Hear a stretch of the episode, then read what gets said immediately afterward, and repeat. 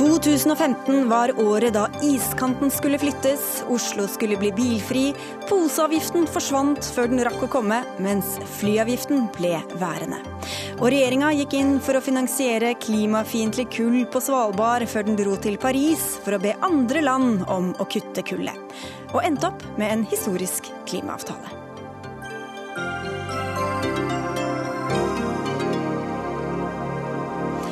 Gledelig jul og velkommen til denne Dagsnytt 18-kavalkaden som skal se tilbake på de mange debattene om klima og miljø som har vært i sendingene våre gjennom året.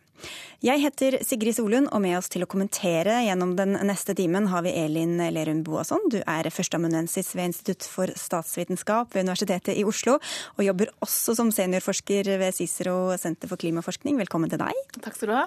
Og vi har med deg Anders Bjartnes, du er redaktør for nettmagasinet Energi og klima, og du er også opphavsmann til årets nyord, Det grønne skiftet, som også er navnet på en bok du har skrevet om nettopp dette i høst. Velkommen til deg også. Takk. Temaene som jeg nettopp nevnte er bare noen av dem vi skal innom i løpet av den nærmeste timen. Hva husker dere selv best fra 2015 ut fra disse stikkordene klima og miljø, Elin? Altså, Det er jo lett å si at uh, vi husker best uh, Paris siden det akkurat har skjedd. Og det er en, en viktig ting i globale klima, global klimapolitikk. Men for meg som studerer EU sin klimapolitikk, så er det jo veldig interessant også at Norge har tatt en ny vending i forhold til å koble oss enda tettere mot EU sin klimapolitikk enn det vi har gjort før. Bjartnes?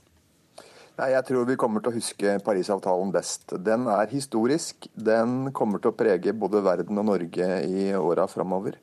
Jeg tror det er begynnelsen på slutten for fossil energi.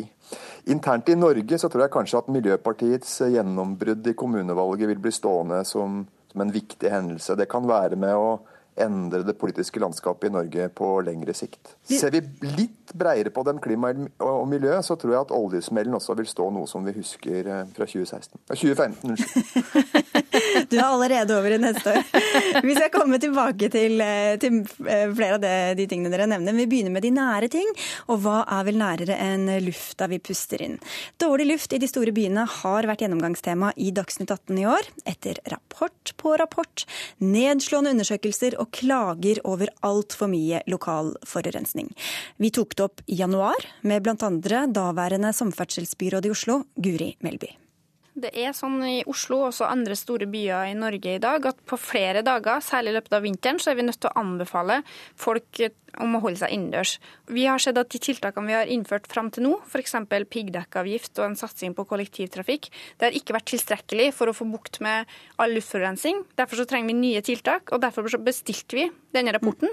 Den har gitt oss tydelige svar, og den sier at hvis dere innfører alt det her, så kommer dere til å nå målene. Så nå må vi jo finne ut av da, hvilke tiltak som vi kan gjennomføre, er villig til å gjennomføre, men jeg er i hvert fall sikker på at målene dem er vi nødt til å nå.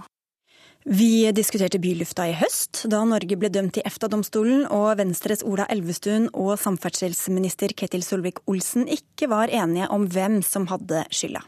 Det er tre ting som virker. Det er diesel du må ta tak i. og Da må du gi byene mulighet til å forby dieselbiler på de mest forurensede dagene. Du må sørge for at det er omkjøringsmuligheter for tungtransport, så den kan kjøre utenom byene. Og så må vi ha på plass det som jo nå for så vidt er, et arbeid i gang med, fordi det er vedtatt på Stortinget, er med, med lavutslippssoner, eller da miljøsoner som byene kan ta i bruk. Hvis vi begynner med det første, samferdselsminister Ketil Solvik-Olsen. Hvorfor har dere ikke latt byene få lov til å gjøre alt de vil for å begrense dette? Byene har mange muligheter i dag allerede som de ikke bruker seg av. Og Da syns vi det er litt rart at de alltid skal ha det som ligger litt fram i tid, istedenfor å benytte seg av de mulighetene som ligger. Det er altså i dagens lovverk allerede mulig for en by å ha f.eks. økte bompenger på dager med store utslipp. Men det gjelder for alle biler. Men vi vet òg at utslippene fra bilparken er mye større når bilen står stang i kø, enn hvis du får vekk køene. Men det det handler om er nettopp fordi du har en værsituasjon vinterstid som gjør at du får en samling av forurensa luft. Og det er på de dagene så må du ha et akutt tiltak. Men har dere gjort alt annet og, som, ikke, som, ligger innenfor lovverket ja, som det er i dag? Ja, men det som, det som går med forhøya med å øke bompengene på de, på de mest forurensede dagene, problemet med det er at det virker ikke. Eh, fordi det holder ikke. Du må altså ha færre biler inn, fordi du har en forurensningssituasjon som gjør at du må stoppe tilførselen av forurensning.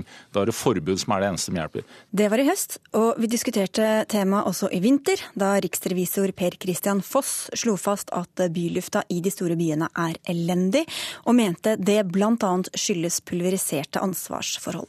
Han møtte SVs Heikki Holmås og daværende klima- og miljøminister Tine Sundtoft i vårt studio. Tilsynelatende så er det jo kommunene som har overlatt ansvaret, overlatt ansvaret for dette eh, fra Klima- og miljødepartementet. Men ser du det fra kommunenes side, så er det veldig vanskelig å gjøre dette. For de må forholde seg til svært ulike mål. Det er ikke samordning mellom de mål som er kalt nasjonale mål, og de som er fastsatt av Folkehelseinstituttet, og de som er fastsatt gjennom eh, miljøforskrifter. Eh, det er det ene. Det andre er at det er jo egentlig ikke kommunene som bestemmer til syvende og sist.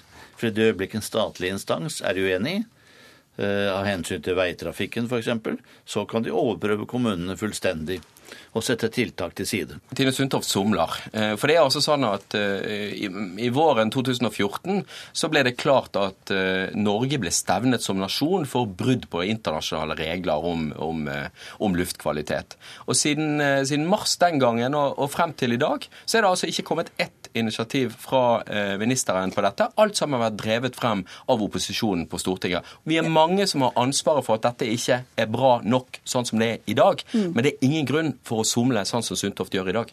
Vi somler overhodet ikke. og Det Heikki Holmås tar opp, er det bestemmende fra ESA var fra perioden 2009-2012, i hans regjeringstid. Men sannheten er jo at vi går inn i en ny vinter. Vi har allerede hatt en, en helg i Bergen, eller uker i Bergen der, vi over, der du hadde overskridelse av helsefarlig luft. Og de har ikke fått noen nye virkemidler for å gjøre noe med dette her av den regjeringen som er nå. Sa altså Heikki Holmås i en av mange byluftdebatter vi har hatt i Dagsnytt 18. Og Anders Bjartnes, det går ikke an å være for dårlig i byluft, men hvorfor har ikke politikerne klart å fikse dette i løpet av alle disse årene? Nei, Det er vel helt enkelt slik at andre prioriteringer har vunnet. Biltrafikken har økt, dieselandelen har, har spilt en stor rolle. Eh, og så ligger det nok òg der at eh, bevisstheten omkring problemet har tiltatt i styrke, og derfor kommer det krav om at mer må gjøres. Dette tror jeg egentlig er et, et godt felt for statsviteren Elin. Ja, Vi får sette over til deg, Elin Lerum Boasson. En, en sånn dom som vi hørte om også, altså fra EFTA-domstolen, eh, det må da svi litt for norske myndigheter som liker å være best i klassen? Ja, norske myndigheter liker helt klart ikke at man får dommer mot seg i EFTA-domstolen. Og det skjer ganske sjelden. Det har vært 15 sånne saker saker som har vært oppe de siste fem årene. Så dette er ikke populært, og man ønsker ikke at det skal skje. Men det er en veldig interessant utvikling som egentlig er mer vanlig i andre europeiske land, der miljøorganisasjoner og interesseorganisasjoner bruker EU-systemet for å få frem sine interesser.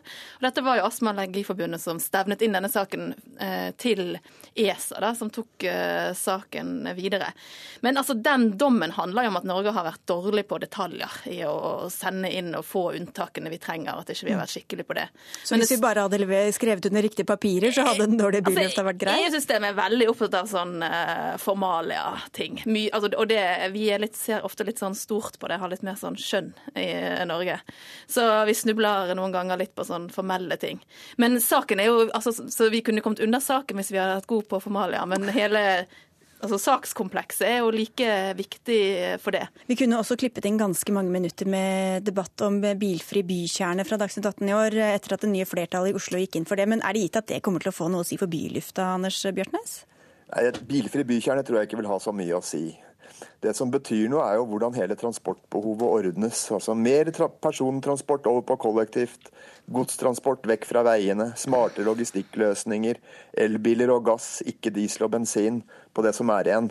Det er jo sånne ting som, som kan hjelpe, men da kreves det jo da en, en eh, gjennomføringskraft og en uh, evne til å få ting til å skje, som vi kanskje ikke da har sett i tilstrekkelig eh, omfang så langt, sånn som bl.a. Foss var inne på. Ja, og jeg vil jo si at det her er absolutt et delt ansvar mellom eh, kommuner og stat. Kommunene har, Det er helt riktig som ble sagt at kommunene har mange virkemidler, f.eks. parkeringspolitikken, der man kunne gjort utrolig mye mer eh, enn det som eh, blir gjort i dag. Målet må være å ikke komme i de situasjonene der man får sånne akutte problemer. Så det er jo litt tullete å bruke mye tid på å snakke om sånne akuttproblemstillinger når det viktige er å ha et godt nok kollektivtilbud, ha liksom en fortettingspolitikk som gjør at vi ikke kommer i sånne situasjoner der vi absolutt akutt må stoppe trafikken på noen dager. Og da er det en fattig trøst at vi uansett er bedre enn Beijing, kanskje? vi er alltid bedre enn noen. Mye av den dårlige lufta skyldes altså bilen, men selv om vi vet at vi kanskje burde la den stå, så er det jo sånn at for mange er bilen beleilig og behagelig. Og det bringer oss over på neste tema, nemlig hvor mye vi selv må forsake og endre oss.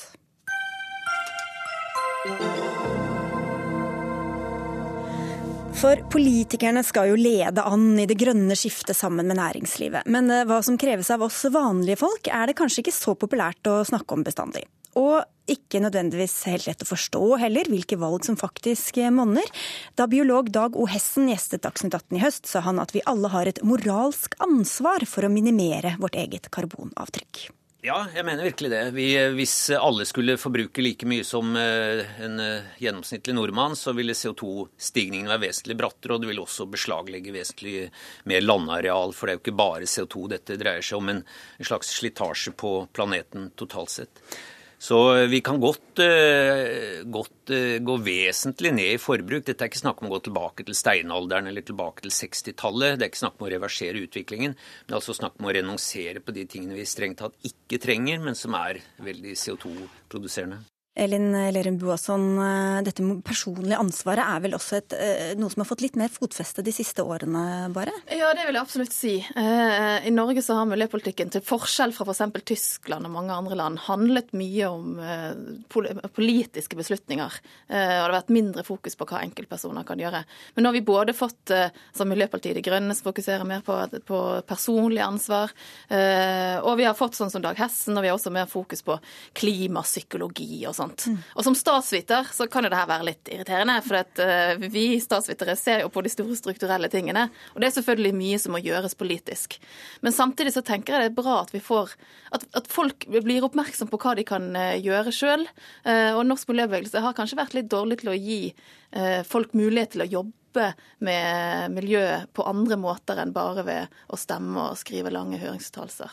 Ja, med tanke på Miljøpartiet De Grønnes valgresultat, Anders Bjartnes, så har det altså truffet en nerve, kan det virke som?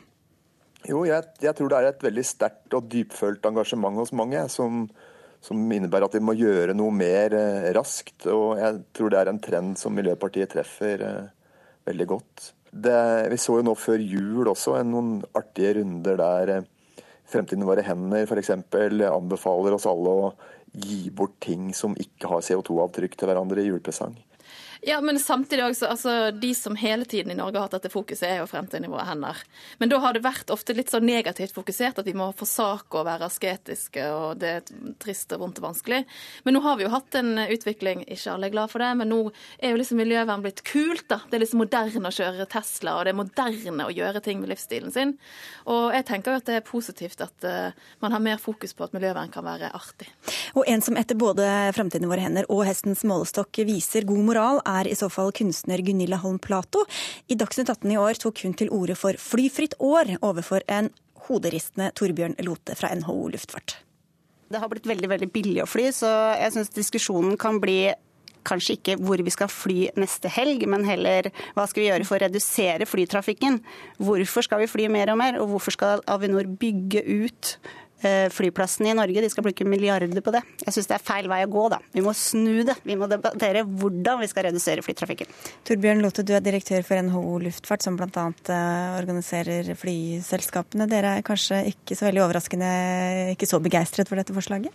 Nei, Det kan du trygt si. Jeg syns jo det er, egentlig det her er litt tullete. Uh, utgangspunktet er jo helt feil. Luftfarten er ikke, miljø, er ikke en sånn miljøversting som man vil ha det til. Luftfarten i Norge står for 2% 2% av klimagassutslippene. Ja. Det er bare innenriks. Legger du til utenlandstrafikken, det som går ut og det du fyller drivstoff i Norge for å reise ut, så snakker vi om ca. 4 folk reiser jo ikke med fly fordi det er moro. Man sitter ikke oppe i et eh, metallskall oppe i himmelen fordi det er moro. Man sitter i eh, fly fordi man har behov for det, enten pga. velferd eller pga. nytte for næringsliv. Men behov, det er, jo, det er jo mange som reiser, de tar helgetur til New York, de reiser til Thailand i, i jula og til Kreta om sommeren. Er det behov som styrer det? Halvparten av flytrafikken er innenlands. Vi har 50 flyplasser i Norge fordi Norge er et langstrakt land eh, med fjorder og fjell, som gjør at luftfarten faktisk er det eneste landsdekkende kollektive transportmidler vi har. Som gjør, også, ja, men som gjør at folk kommer til sykehus, som gjør at du får besøkt din bestemor og din bestefar, og som gjør at du kan drive næringsliv i Norge. Eh, utslippene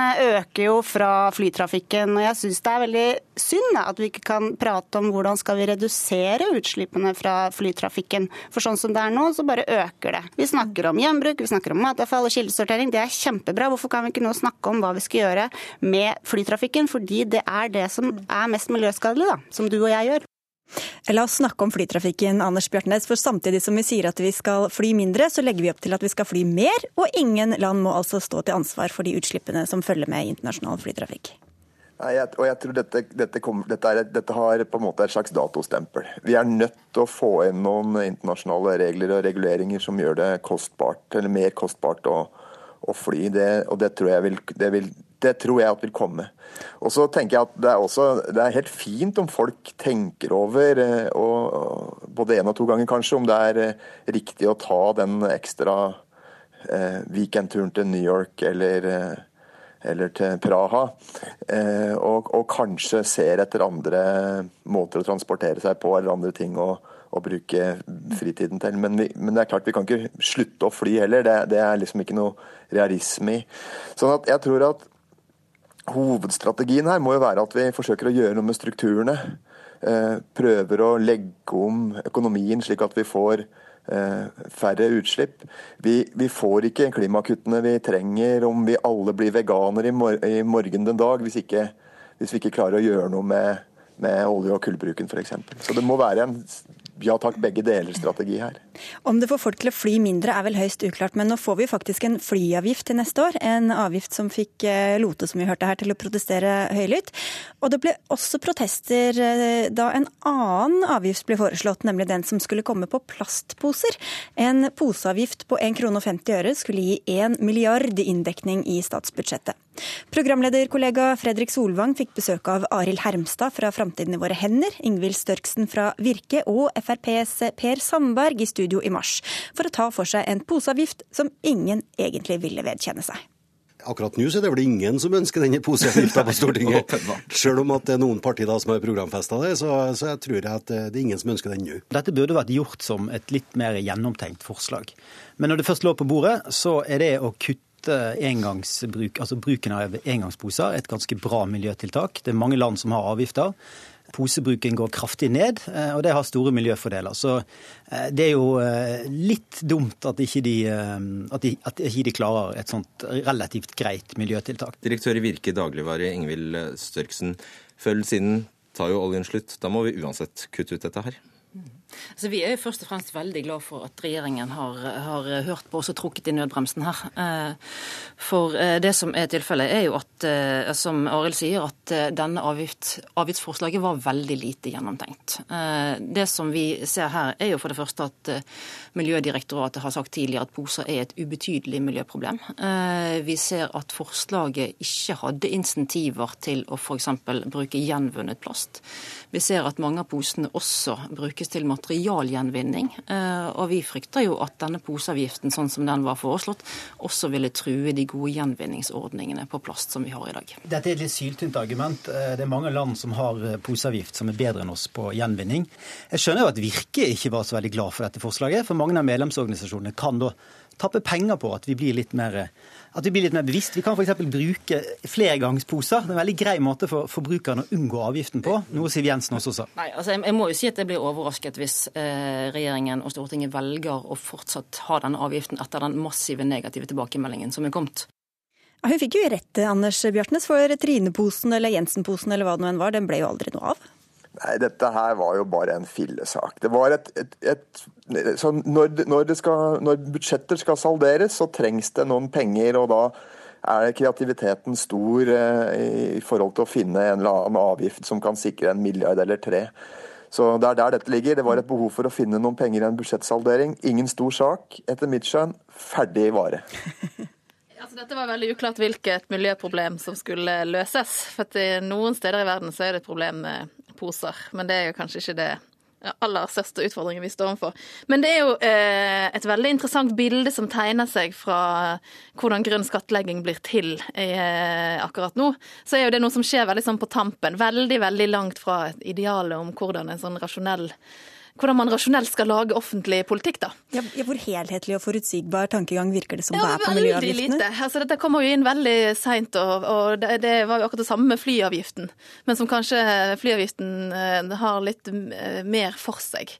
Men eh, det er jo bekymringsfullt at denne regjeringen har ikke så langt i hvert fall lagt opp til å tenke veldig helhetlig på klimapolitikken. Så dette er jo et symptom på det. Vi skal følge den tanken litt. Eh, når det gjelder eh, følgende sånne avgifter får, så er det jo stor strid om det. Men eh, på noen punkter som du er på, så vet vi at avgiftspolitikken fungerer effektivt for å vri forbruket, som vi har sett i elbilpolitikken f.eks. Og derfor burde politikerne, og særlig Høyre, utnytte nettopp grønne skatter og avgifter mye bedre i klimapolitikken. Det var i hvert fall budskapet fra den tidligere unge Høyre-lederen, nå prosjektleder i Civita, Paul Joakim Sandøy, i en sending i Dagsnytt 18 i høst, skal vi høre. Og Det er viktig av to grunner. Det ene er at eh, det er det mest effektive klimatiltaket vi har. Eh, den andre grunnen er at dette er, og har egentlig vært veldig lenge, høyresida sitt svar på klimautfordringa. At vi man har liksom troa på markedet. Eh, skal, og det skal man gjøre ved å gjøre utslipp dyrere, og så skal man gjøre det billigere, alt det andre. Og nå har man på en måte kommet halvveis i gang. Man har redusert de røde skattene og avgiftene. Man har redusert skatt på arbeid og eiendom og uh, arv og sånne ting. Men så har man ikke i særlig grad, bitte litt, men ikke så mye, økt de grønne skattene og avgiftene. Og Det er det på tide å komme i gang med hvis man mener alvor med det, med det grønne skiftet, og det tror jeg man gjør. Ja, men da vil Tine Sundtoft eh, si at vi venter jo på denne grønne og skattekommisjonen. Da. Og det sier man, men det er to problemer med det.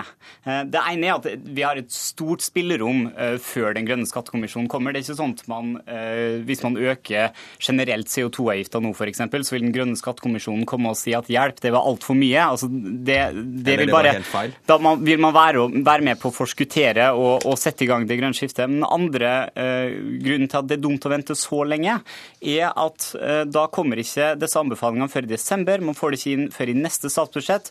Da vil det ikke bli innført før i 2017. I 2017 er det valgår, og det er lite trolig at uh, egentlig en regjering vil innføre nødvendige, men upopulære avgifter da. Uh, og det gjør at uh, jeg skulle ønske at man kom raskere i gang. Ja, Anders Bjartnes, da kom jo til slutt denne grønne skattekommisjonen. Fra før hadde Venstre fått lirka inn noen såkalte grønne avgifter i budsjettet. Men hvorfor bruker ikke Høyre avgiftene og markedskreftene mer i klimapolitikken her? Jeg tror det er en vegring her som har litt forskjellige årsaker. Jeg tror det delvis handler om at samfunnsøkonomene, som har mye av definisjonsmakten her, de ønsker seg et perfekt avgiftssystem sånn som vi ser i forslaget fra Grønn skattekommisjon. Da skal alle utslipp ha lik pris, og vi får en veldig sånn teoretisk diskusjon. Så, så, og, og, her er det ofte sånn at det, det, det, det, gode kan bli det bestes eh, fiende. Det handler om også FrPs eh, og deres velgeres eh, lavere toleransenivå for økte avgifter på en del ting her enn andre velgere har. Altså, vi har jo sett hvordan de har vært opptatt av billige snøscootere og sånne ting som, som liksom skal treffe et, et segment blant Frp-velgerne. Eh, dette gjør nok også at Høyre er mer forsiktig enn de kanskje skulle ønske at de kunne være. Så Framover tror jeg nok at vi vil se mer aggressiv bruk av avgiftssystemet, fordi at det er helt nødvendig å, å gjøre det. Vi må ha mer målretta avgifter som, som eh, rammer det en ønsker å bli kvitt. Altså, Vi har jo hatt veldig mange sånne kommisjoner. Det er jo ikke den første gangen vi vurderer det her. Og det har hatt veldig mye å si for måten, Norge, måten vi snakker om klimapolitikk i Norge. Og der har vi jo, til forskjell fra nesten alle andre land, veldig sterk tro på at vi skal ha en global, kostnadseffektiv politikk. Og da må vi jo vente på å få en global pris på CO2. Vi har ventet på det nå i over 20 år. Eh, og det må vi nok fortsette å, å vente på en stund. Og i Norge har vi hatt veldig eh, liten tro på gulrøtter og veldig stor tro på pisk, men det er vanskeligere å gjennomføre politisk. Den røde tråden her er jo hvilken rolle vi som eh, borgere eller forbrukere eller hva vi skal kalle oss, spiller i, eh, i klimaspørsmålet. Og da, eh, Lerum Boasson, så er det jo ofte sånn at det havner sånn enten, når det gjelder liv og lære, enten alt eller ingenting. Ja, hva tenker, tenker Nei, du? altså hvis, hvis, du preker at du må uh, Hvis du er opptatt av miljøvern, så må du liksom leve i askesen, nærmest. Uh. Ja, ja, og det, grøn, altså En omstilling til grønne skatter skal jo være noe som hjelper oss litt, uten at vi tenker uh, så mye over det. Og det er jo heller ikke alltid så enkelt. Det har vært mye kritikk mot disse Tesla-kjøperne som kjøper Tesla fordi det er kult og stilig. Og da blir det kritikk mot at det, det, er ikke riktig. Altså Når man kjøper noe miljøvennlig, så må man også gjøre det for fordi man er miljøverner. Så det er jo lett å, lett å snuble å gå feil. Og nå snakker vi mer om det, Bjørtnes, også om hva vi skal spise og hva vi skal ha på oss og hva vi skal gjøre. Jo, men jeg tror det er en, en, veldig viktig ting her, og det er at vi har liksom en slags langsiktig linje og forutsigbarhet i, i dette avgiftssystemet og tenkningen rundt det. Jeg tror denne er eh, eh, opp og ned og, og, kortsiktige politikken som vi ofte ser eh, i forbindelse med salderinger av budsjett og sånn som vi har vært innom litt her tidligere, at det er fryktelig ødeleggende. Jeg tror vi må, vi må klare å bli enige om å ha en slags linje og retning som står seg over tid eh, på dette området. Da er det muligheter til å få oppslutning om ting blant, altså, blant folk flest. Og, og, også mer forutsigbarhet når det gjelder statens inntektsside, som vi må være opptatt av. Jeg er helt eh, kjempeenig i det, men jeg syns samtidig vi må bare ta med oss at uh, veldig masse av norsk klimapolitikk har skjedd uh, pga. tilfeldigheter, og har skjedd litt sånn i skyggen av andre saker. Så hvis vi skal være mot at politikkutviklingen skjer pga. tilfeldigheter og alltid skal være sånn uh, en stor, rasjonell plan, så tror jeg vi får mindre klimapolitikk enn vi, enn vi har i dag.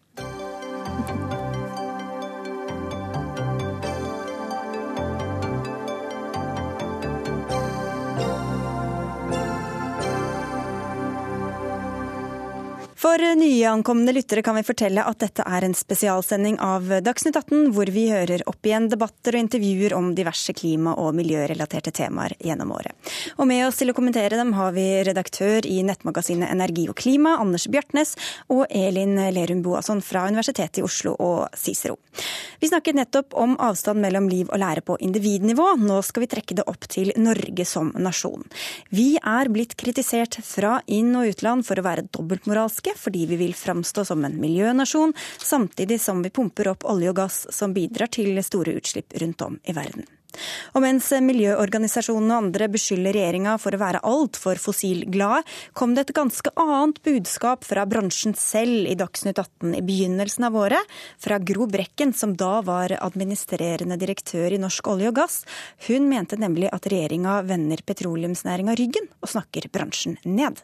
Vi har reagert på en del av retorikken av forskjellige grunner. og En av årsakene er jo at um, olje- og gassindustrien, som vi eier alle sammen i Norge, det har jo vært en vekstmotor, som, uh, som, finansministeren sa. Men det er jo også slått fast av denne og forrige regjering at dette er Norges viktigste teknologidriver og teknologilokomotiv, og er med å utvikle den kunnskapen som vi skal leve av i andre næringer. Men etter eh, nyttår har jeg hørt både flere ministre snakke om dette som en omstilling til noe helt annet enn det som går frem av de langsiktige meldingene og regjeringens egen melding om olje- og gassindustrien. Altså en, en omstilling som handler om hva som skulle skjedd om, skal skje om 50-60 år. Det blir nå Så du føler at dere blir avskrevet allerede som en solnedgangsindustri som ingen bryr seg om ja, lenger? Eller? Vi har lovt at vi ikke skal bruke det ordet. Å oh, nei, dette strider mot reglementet. Og når jeg syns retorikken er uheldig, så er det jo fordi det skremmer ungdom fra å søke seg til, til jobbene. Det er det ene ene. Og det andre er at vi også trenger noe hjelp til å komme oss videre. Skjønner. Det var flere ting her. Altså, Tine Brudd, du er petroleumspolitisk talskvinne for uh, Høyre. Du kaller kritikken for litt hårsår. Hvorfor det? Ja, nei, eh, Først og fremst må jeg bare si at jeg føler at regjeringen har vært veldig tydelig på at olje- og gassnæringen kommer til å være en viktig næring i Norge i mange år fremover. Det er, liksom ja, det er ikke det dere pleier å få kritikk for, for å si det sånn? Nei, det er ikke akkurat det. Altså, vi har jo en olje- og energiminister som blir kalt turbotord på godt og vondt, så, så den kritikken føler jeg er litt uh, merkelig. Altså, Regjeringen er akkurat nå for øyeblikket næringens minste problem. Altså, Vi er i en situasjon hvor vi har fortsatt et altfor høyt kostnadsnivå i næringen. Vi har en altfor lav oljepris. Og vi er i en tid hvor klimaet kommer stadig høyere på dagsordenen og er en stadig større debatt. Og at Brekken velger å være, som jeg da sa i E24, hårsår på vegne av næringen fordi vi har en statsminister som er opptatt av å snakke om at vi må ruste Norge for fremtiden, også en fremtid hvor olje- og gassnæringen, uansett hvordan du vrir og vender på det, vil spille en mindre rolle enn de siste ti årene, det tror jeg er uheldig. Og det statsministeren har gjort, er jo å påpeke det åpenbare. Altså Oljeproduksjonen er ned med 60% siden 2002, og kostnadene har skutt i været. Det må selskapene og arbeidstakerne adressere. Og jeg føler at eh, med den kritikken Gro Brekken kommer med i dag, så gir hun inntrykk av at olje- og gassnæringen er en lite omstillingsvillig næring. Og det vet jeg ikke er tilfellet, og da mener jeg også at den kritikken ikke treffer. Både kostnadene og justeringen på investeringen er noe som selskapene selv må ta ansvar for, og det har vi orientert om eh, Men både hva er det regjeringa har sagt som er feil, da? De sier at vi må ha en omstilling og, og booste andre bransjer. Hva er det som er gærent med det? Eh, Ja, jeg syns at de snakker om den omstillingen på en så dramatisk måte at jeg tror at eh, veldig mange ungdommer vil kvie seg. Altså Det at vi har en statsminister som snakker om omstilling, er jo ikke det samme som å snakke om at vi skal legge ned næringen. Altså Det er det jo nok av andre politikere og organisasjoner som tar til orde for. Det er ikke regjeringspartiene, i hvert fall. Anders Bjørtnes, det kan jo være en vanskelig balansegang for regjeringa å snakke varmt om det grønne skiftet, samtidig som det ikke skal snakke oljebransjen ned eller støte noen som jobber der. Jo, det er veldig krevende, og det kommer til å bli verre. Det er jeg helt sikker på. Det, altså, det har vært en tradisjon i Norge for at oljepolitikk og klimapolitikk ligger i hver sin boks, hver sin silo nærmest. Men vi ser jo at dette nå er i ferd med å sprekke opp.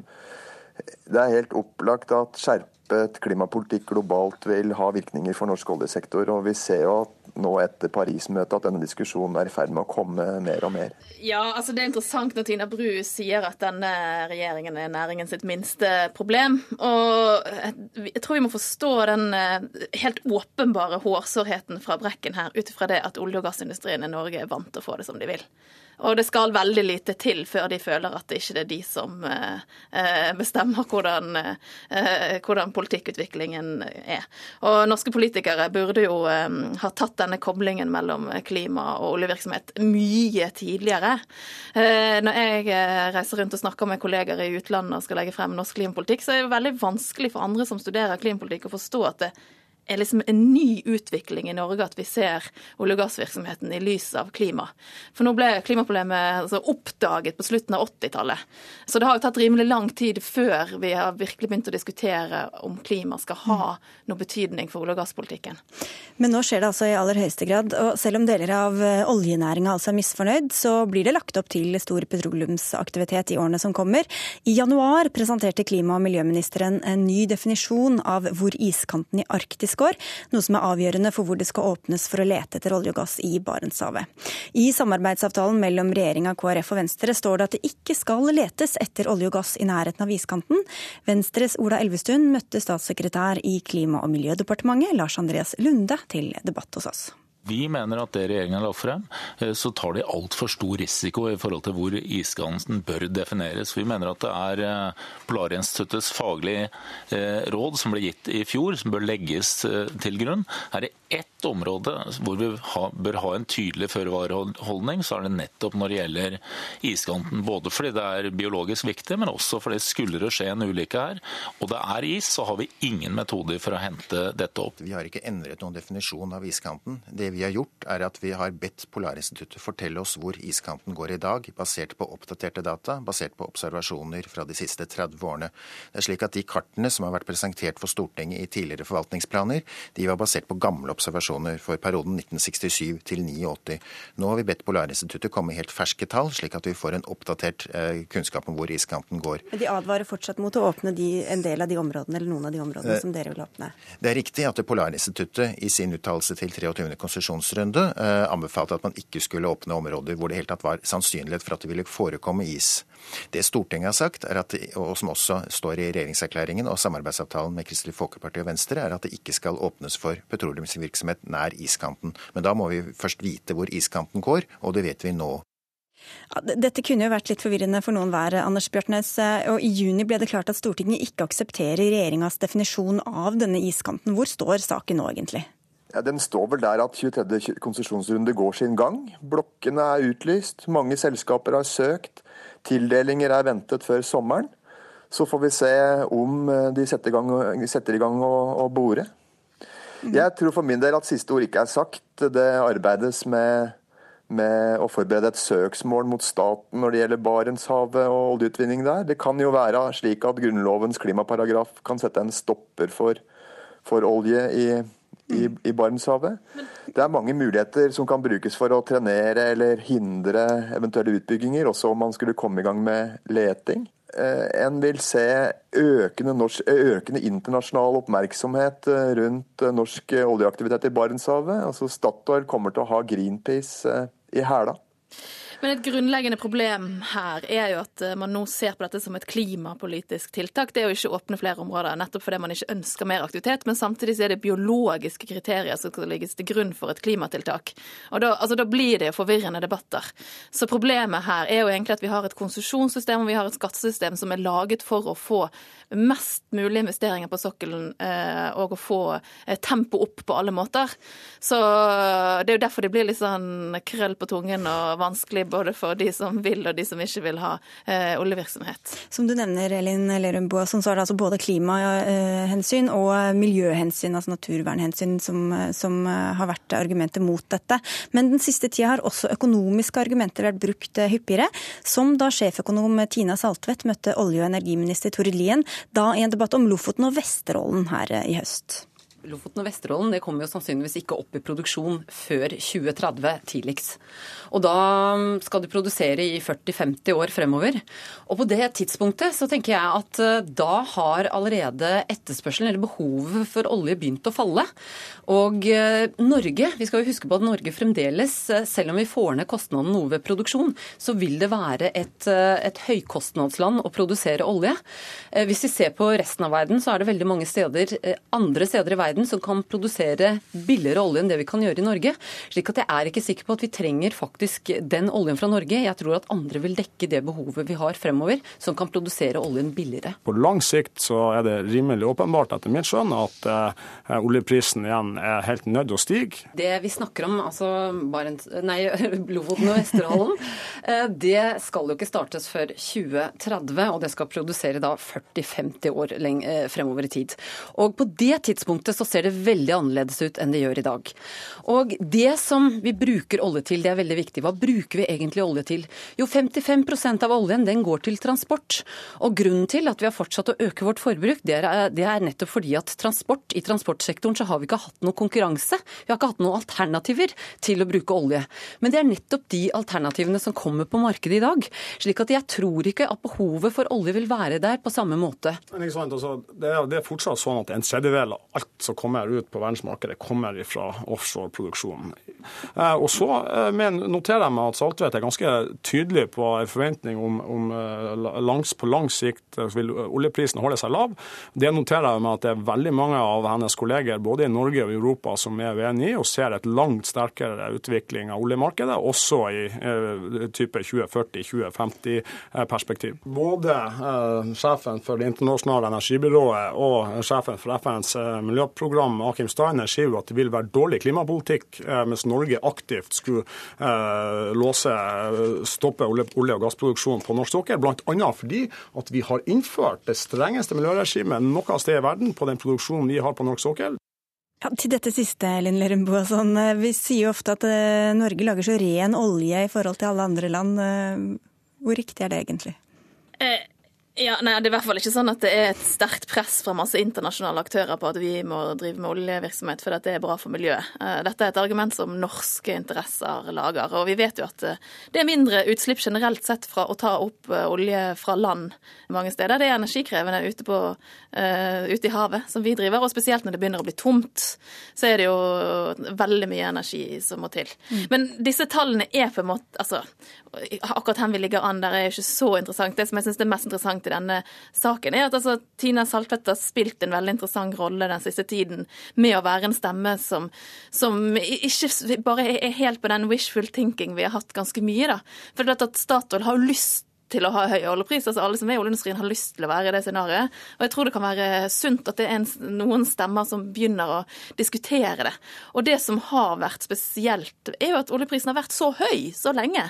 For det er jo historisk eh, Det er det som er det historiske rare, at den har vært så høy. Uh, og ikke det at han går ned igjen, egentlig. Mm. Men disse økonomiske argumentene, Anders Bjartnes, uh, og med da den uh, potensielle muligheten at en del av disse feltene ikke kommer til å bli lønnsomme, hvorfor virker ikke regjeringa mer bekymra over det? Ja, det er et spørsmål jeg har lurt mye på. fordi at Hvis du ser rundt i verden og leser Financial Times og følger med på hva som som skrives og sies fra eksperthold rundt omkring, så er den risikoen for at kostbare petroleumsressurser kan bli altså stranded assets eller ubrennbare ressurser, den er, den er sterkt økende. Den er oppfatta å være sterkt økende. Og jeg tror at etter Paris så har denne måten å tenke på og argumentere på fått ytterligere kraft. Så jeg, jeg er veldig forundra over at ikke dette har, har, nådd lenger inn i regjeringsapparat og embetsverk. Det er jo en næring som har gitt ekstremt eh, store inntekter til statskassa, da, som det er kanskje vanskelig å gi slipp på den eh, tanken? Jo. Jo, men her handler det jo ikke om å gi slipp på inntekter, her handler om å unngå fremtidige kostnader. Og jeg tror det er veldig viktig å, å se også denne, dette tidsperspektivet som, var, eh, som Saltvedt var inne på i, den, i, det innslaget du sendte. fordi dette handler jo ikke om hva vi skal gjøre nå med oljeproduksjon som er i gang, altså troll og ekofisk og sånt noe. Det, det vil jo bare fortsette å, å produsere. Spørsmålet er jo om vi skal investere, gjøre store investeringer nå i olje- og gassfelt som skal begynne å gi inntekter fra 2030 og framover? Det er vanskelig altså, å, å, se for seg en fremtid som er annerledes enn det man ønsker seg. Uh, og det er klart I Norge så er det veldig mange som har mye makt, som ønsker seg en høy oljepris. Men vi må jo, altså, det er jo kjempevanskelig å forutse oljeprisen. Altså, Det er jo helt utrolig krevende. Så jeg tror det er lurt for alle, uansett hva de mener om klima og miljø, å eh, ta hensyn til at den kan gå flere mm. veier. Og uansett så er det jo ikke olje de fleste snakker så høyt om lenger, men det er gass. Ja. Eh, og Norge, altså, det er jo gassproduksjon som er viktigst for Norge, og Norge har jo Altså, Norske myndigheter eh, er en propagandamaskin for å få politikk, spesielt i Europa, som fremmer bruk av gass. Mm. Når Norge argumenterer for mer olje og gass, så sier vi jo gjerne at alternativet er skittent kull. Så da våre egne kullgruver på Svalbard ba om statlig pengehjelp i flere hundre millioner-klassen for å få fortsette en ulønnsom drift i år, minnet investor Jens Ultveit Moe, Mo, som også er opptatt av kostnader, om anklagene om dobbeltmoral her i studio, skal vi høre. Men la oss ikke nå ødelegge vårt gode rykte. Jeg var i Ny-Ålesund eh, i vår sammen med Kristina eh, Figuera, som leder den FN-prosessen FN frem til Paris-møtet, så, så, fikk hun høre at vi utvant kull like rundt hjørnet. Hun kunne ikke tro det. Hun måtte spette tre ganger om det var riktig. Vi har bygget opp et veldig godt eh, miljøimage i Norge, ute i verden, regnskogsatsingen osv.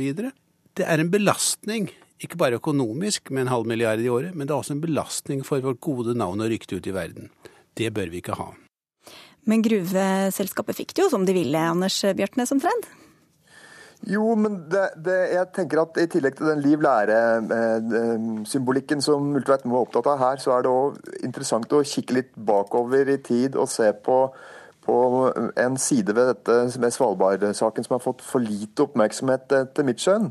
Og det er at eh, investeringene i kullutvinning som ble gjort nå sist, de er en fortelling om eiere og ledere som har tatt for gitt at, at veksten i fossil energibruk ville øke og prisene forbli høye.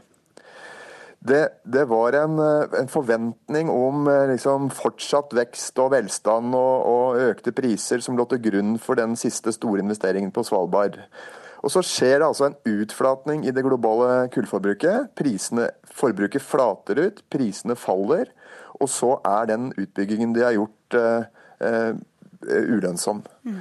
Dette er en fortelling om, uh, om en endring i, i, i, energimarkedene som rammer mye fossil energi over hele verden. og Det er også en en del av denne Svalbard-historien jeg er opptatt av at blir mer eh, debattert og forstått. Altså, det er jo komplekst. Det er mange sikkerhetspolitiske grunner også til at vi holder på med det vi gjør på Svalbard. Um, og det, det, altså, Selvfølgelig har Ultvedt Moe rett i at dette her er, eh, det henger ikke helt sammen. Men jeg tror internasjonalt så er det ikke så mange som er opptatt av at Norge driver med det her eh, kule greiene. For det er ganske lite. Det er, mer, altså, det er mer av et stort paradoks vi sliter med internasjonalt, den store oljeaktiviteten vi holder på med. Nå skal vi skifte tema litt.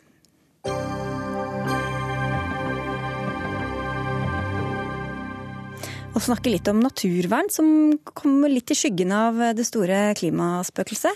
For Norge bruker mye penger på å verne skog i andre land, mens regjeringa her hjemme blir beskyldt for å ta altfor dårlig vare på egen gammel skog.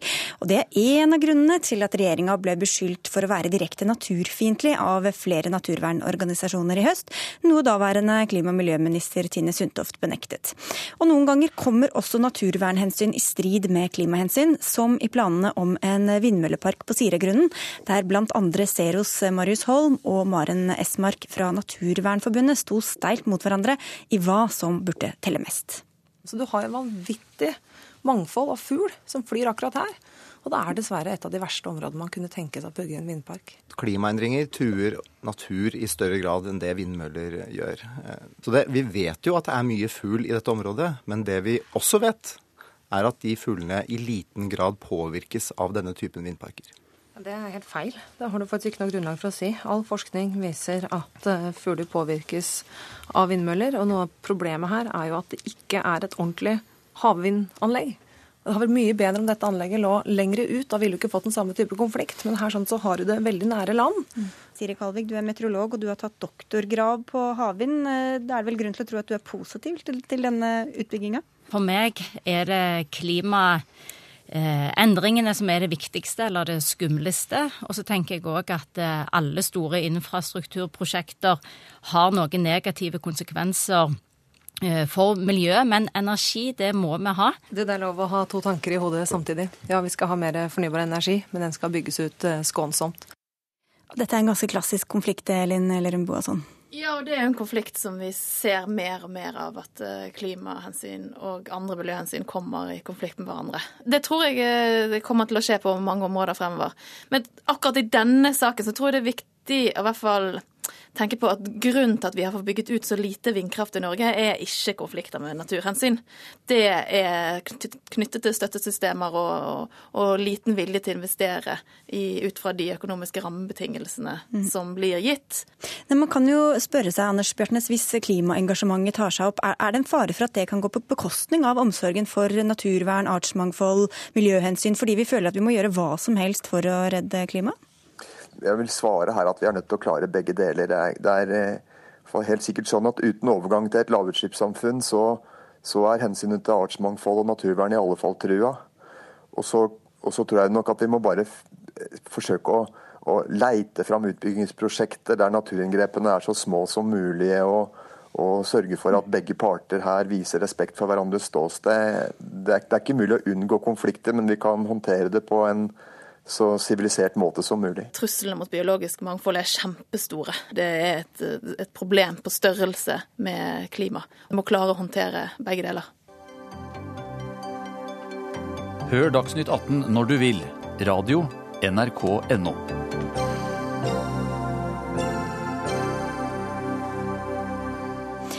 Denne timen med et gjenhør med klima- og miljødebatter fra Dagsnytt 18 nærmer seg slutten, men vi er ikke helt der ennå. og Vi rekker å heve blikket litt. For vi ivrer for avtaler i Norge som skal få utslippene ned, samtidig som våre egne har økt. Og spørsmålet er hvordan dette blir i årene som kommer. Da regjeringa la frem forslaget til statsbudsjett i høst, var det med tall som viste at utslippene kommer til å gå opp. I hvert fall ifølge Nina Jensen fra WWF. Hvis man ser på de reelle framskrivningene og de satsingene som man legger opp til i statsbudsjettet, så kommer utslippene til å fortsette å gå opp og ikke ned. Når vi da har forpliktet oss til 40% utslippskutt, og vi skal til et klimatoppmøte i Paris senere i år, eh, så syns jeg det er pinlig. Klima- og miljøminister Tine Sundtoft fra Høyre. Kommer klimagassutslippene til å øke eller synke med dette budsjettet? De bør absolutt synke med dette budsjettet. Det, tallet... det er vi vel alle enige men kommer de til å gjøre det? De tallene som står i nasjonalbudsjettet, er fremskrivninger av tall. og De siste politikkområdene er revidert nasjonalbudsjett 2014. Det betyr at alt hva vi gjør i inneværende år, hva vi foreslår for budsjettet neste år, er ikke med i de fremskrivningene fram til 2020. Så du vet ikke?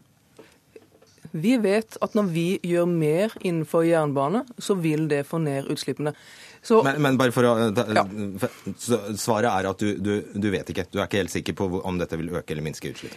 Vi har virkelig tro på at hva vi gjør innenfor jernbane, hva vi gjør innenfor endring av bilavgifter, hva vi allerede har gjort med å si at elbilfordelene fortsetter ut 2017, så må vi ned innenfor transport. Men det er feil å si at vi legger opp til en politikk som øker klimagassutslippene. Det tror jeg nå vi kan være enige om at det er feil. Nei, Det er vanskelig å være enig om dette. og jeg synes jo det er bekymringsfullt eh, at man ikke kan klare å si om, eh, om man har et budsjett der, eh, som vil bidra til at utslippene går ned eller ikke.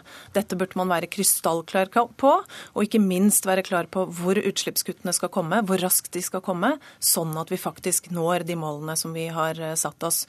Det sa altså Nina Jensen og Tine Sundtoft til kollega Fredrik Solvang. Ja, Elin eller Boasson, det ser ut som du vil si noe her? Ja, altså Dette her er jo uh, forvirrende. Og det er jo forvirrende at uh, minister, altså ministeren sier litt merkelige ting. For det er jo ikke noe overraskende at man legger opp til at norske klimagassutslipp skal øke. Altså, det er jo norsk politikk at vi skal redusere utslippene i andre land, eh, der det er billigere å gjennomføre tiltak. Og klimanøytralitet er en helt sånn særnorsk eh, strategi, der vi er opptatt av eh, å, å kunne godkjenne med kvotekjøp at vi har fått ned utslippene. Men det som også ligger under her, selvsagt, som gjør det vanskelig å være miljøvernminister, samme hvem som har den posisjonen i dette landet, er at ministeren er uenig med alle de andre departementene. Og, og nå er vi i en situasjon der det er spør eh, Finansdepartementet og Miljøverndepartementet, får du helt forskjellig svar på hva som er målene i norsk miljøpolitikk. WWF eh, og flere med dem mener at med statsbudsjettet så burde det følge et karbonbudsjett, hvor vi ser forventningene til utslipp i hver enkelt sektor, og at dette bør inn i en klimalov. Anders Bjartnes, det er jo en klimalov på trappene, men eh, kanskje ikke så omfattende og bindende som det ønsket er her? Jeg, jeg, tror det er en veldig god idé med en klimalov. Jeg tror, den, eh, jeg tror, det er fint at politikken rammes inn langsiktig. Det er det viktigste med den. Men den må være konkret eh, på noen områder hvis den skal ha noen funksjon. Altså Den må gi noen føringer for hvor vi skal være i 2025, 2030, 2040 osv. For, for å ha noen funksjon. Altså, det er en besnærende idé, men det er litt urovekkende det som har skjedd i Storbritannia. Der de første som innførte en klimalov. En, en kjempesterk lov som ga liksom eksperter mulighet til å gi eh, liksom, virkelig makt over å styre klimapolitikken, så ikke det ble økte utslipp. Og nå de siste syv månedene så har uh, nye regjeringen i Storbritannia fjernet altså, en helt absurd mengde klimapolitikk. Og dette er jo helt klart i tråd med Nei, ikke i tråd med den klimaloven de har. Så det som er litt sånn urovekkende her, er hvor effektivt. Altså Vil en sånn klimalov hindre politikere å gjøre ting som, som eh, er dumt for klimaet. Mm. Det ser jo litt bekymringsfullt ut, det som skjer i Storbritannia nå. Vi kan ikke ha en klimasending uten å snakke litt om klimatoppmøtet i Paris eh, som var for et par uker siden, og som ble, endte i det som ble kalt en historisk avtale, Anders Bjartnes. De temaene vi har vært innom nå i løpet av denne timen, hvor eh, aktuelle var de for det som sto på agendaen i, i Paris? Jo, absolutt. Jeg, jeg tror, og det viktigste er kanskje det som vi har vært innom når det gjelder olje og gass og den store overgangen. Altså Beskjeden fra Paris er jo helt opplagt at retningen for utviklingen framover er klar. Vi skal kutte utslipp. Vi skal dreie investeringer fra fossilt til fornybart. Og, vi, og, og vi, i tillegg så skal vi jo sørge for at klimapolitikken skjerpes etter hvert som som eh, åra går. Så vi må regne med at kravene til en mer aggressiv klimapolitikk vil øke. Mm, og Rett etter Paris-toppmøtet eh, så diskuterte vi også i Dagsnytt 18 hva som ville bli følgende av denne avtalen for norsk olje- og gassvirksomhet. SVs partisekretær Kari Elisabeth Kaski møtte Høyres Nikolai Astrup. Han mente at eventuelle endringer måtte være opp til markedet. Vi er en del av det regimet, og det betyr at markedet bestemmer, ikke politikerne. Det er den planøkonomiske tilnærmingen jeg kritiserer. At noen politikere nå går ut og sier at vi skal si at dette skal du få lov å utvinne, og dette skal du ikke få lov å utvinne. Dette vil jo markedet ordne opp i. Altså Vi er enige om at markedet skal være med å løse klimaproblemet. Vi er også enige i at politikerne skal styre markedet. Det er jo derfor også Høyre og til og med er jo for ja, Ja, det gjør vi CO2-avgift og kvoter. Men sant, de virkemidlene fra oljeindustrien har også ikke hindra at utslippene fra oljeindustrien har økt med 80% siden 1990. Så vi er nødt til å stramme til virkemidlene. Og vi må også se på Jeg forventer at regjeringa kommer til Stortinget med nå en sak for å se på konsekvensene for norsk olje- og gasspolitikk i lys av den nye klimaavtalen. Fordi det vil innebære at vi må se på de langsiktige investeringsbeslutningene som fattes i dag. Det er letinga vi snakker om. Vi har felt som skal være i produksjon i, i, i tida framover, og som kan hjelpe Europa med gass. Men det er de investeringsbeslutningene som vi fatter i dag, som vil påvirke om vi når det langsiktige klimamålet. Elin Lerum Boasson, kom det Parisavtalen nødvendigvis til å få noe å si for norsk klima- og energipolitikk? Altså, jeg må bare si det først at jeg er litt overrasket over den her eh, allmenne euforien i Norge om hvor fantastisk eh, utfallet er fra Paris. For det, det som er i hvert fall sikkert, er at det her er spikeren i kisten for den norske strategien eh, om å få til en global pris på, på eh, utslipp av klimagasser, og at du skal få en sterk styring. For det, det som har skjedd i Paris, er at man overlater mye makt til alle verdens land. Og at nå har man gitt opp den der store tanken om å styre med hard hånd på globalt nivå. Altså det, det, det er jo et veldig sånn moralsk press på at nå må alle land ta ansvar selv. Og hvis man skal ta det her inn over seg, så er det jo klart at eh, at man må, må tenke også på norsk olje- og gasspolitikk. Men samtidig så er jo handlingsrommet stort. Så det vil jo bli, jeg ser jo allerede nå at måten man fortolker Paris-utfallet, er veldig forskjellig i forskjellige land. Og, og dette med at vi skal kutte to tredeler hjemme, Anders Bjartnes, det er det ikke så mange som snakker så høyt om uh, lenger nå? Nei, men der har vi også fått en uh, litt ny situasjon etter uh, den koblingen mot EUs klimapolitikk som er ny av fjoråret. da. Klarere skille mellom, eh, mellom kvotesektoren og ikke-kvotesektoren. Men det, det betyr, vet vi jo eh, fint lite om foreløpig. Eh, Siden ikke vi helt vet hvor mye fleksibilitet og mulighet Norge vil få. Norge må bare ta denne beslutningen. Det er veldig merkelig når et hovedargument for å koble seg opp mot EU er at vi trenger at EU pisker oss. Så derfor gjør vi det. Mens de la- andre land i Europa som ønsker å vise at de er foregangsland og går foran på klimaområdet, de lager ja, egne klimalover, lager egne målsettinger. Mens Norge istedenfor å, si noe, egentlig, hvordan norsk klimapolitikk skal utvikle seg, bare velger og sier at vi, vi overlater til EU å bestemme over oss, vi. Ja, hvor langsiktig og helhetlig klimapolitikk vil du si at Norge har? Altså, Norge skiller seg i hvert fall ut i Europa med at vi er veldig opphengt av å snakke om 2020 og har gjort det veldig lenge. Mens man nå i, i Brussel og i andre europeiske hovedsteder har kranglet og diskutert, og det har vært stort drama om klimapolitikken for 2030 veldig lenge. Så, er, så er, vi er liksom ikke der.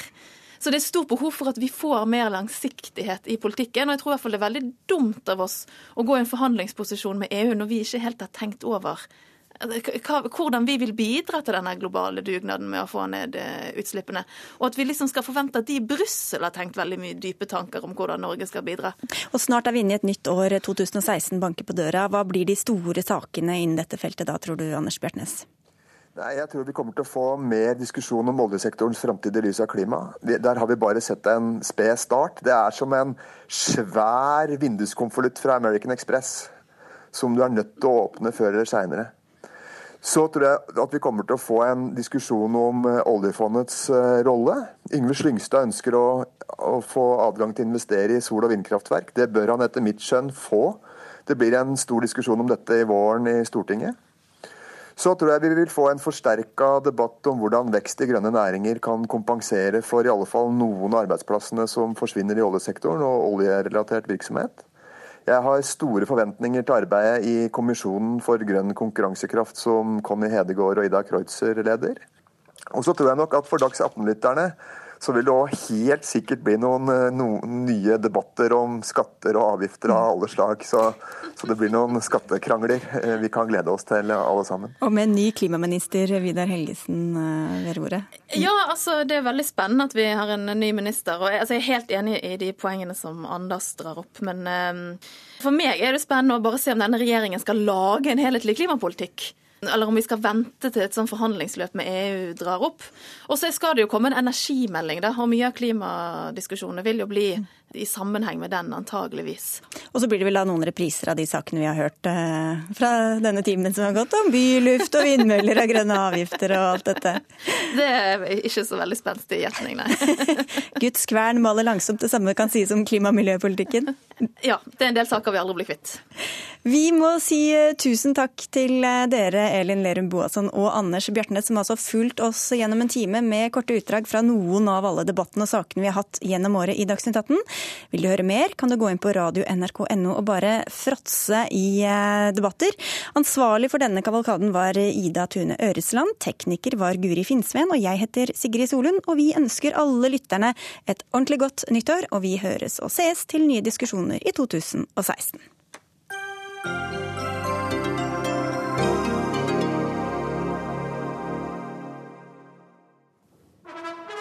Hør nye historier i Jul i P2. Jeg heter Fakhra Salimi, og jeg er gjest i Jul i P2. Overraskelser. Hei, Anne. Hei, Stein. Er du klar for å lage radio igjen? It's go time. Og tradisjoner. Der bodde en underlig gråsprengt en på den yderste nøkne. Tradisjonsrik musikk. Da er det et eh, privilegium for meg å kunne ønske velkommen til nyttårskonserten fra Musikkforeningssalen her i Wien. Takk for det gamle. Hilsen fra oss i NRK P2.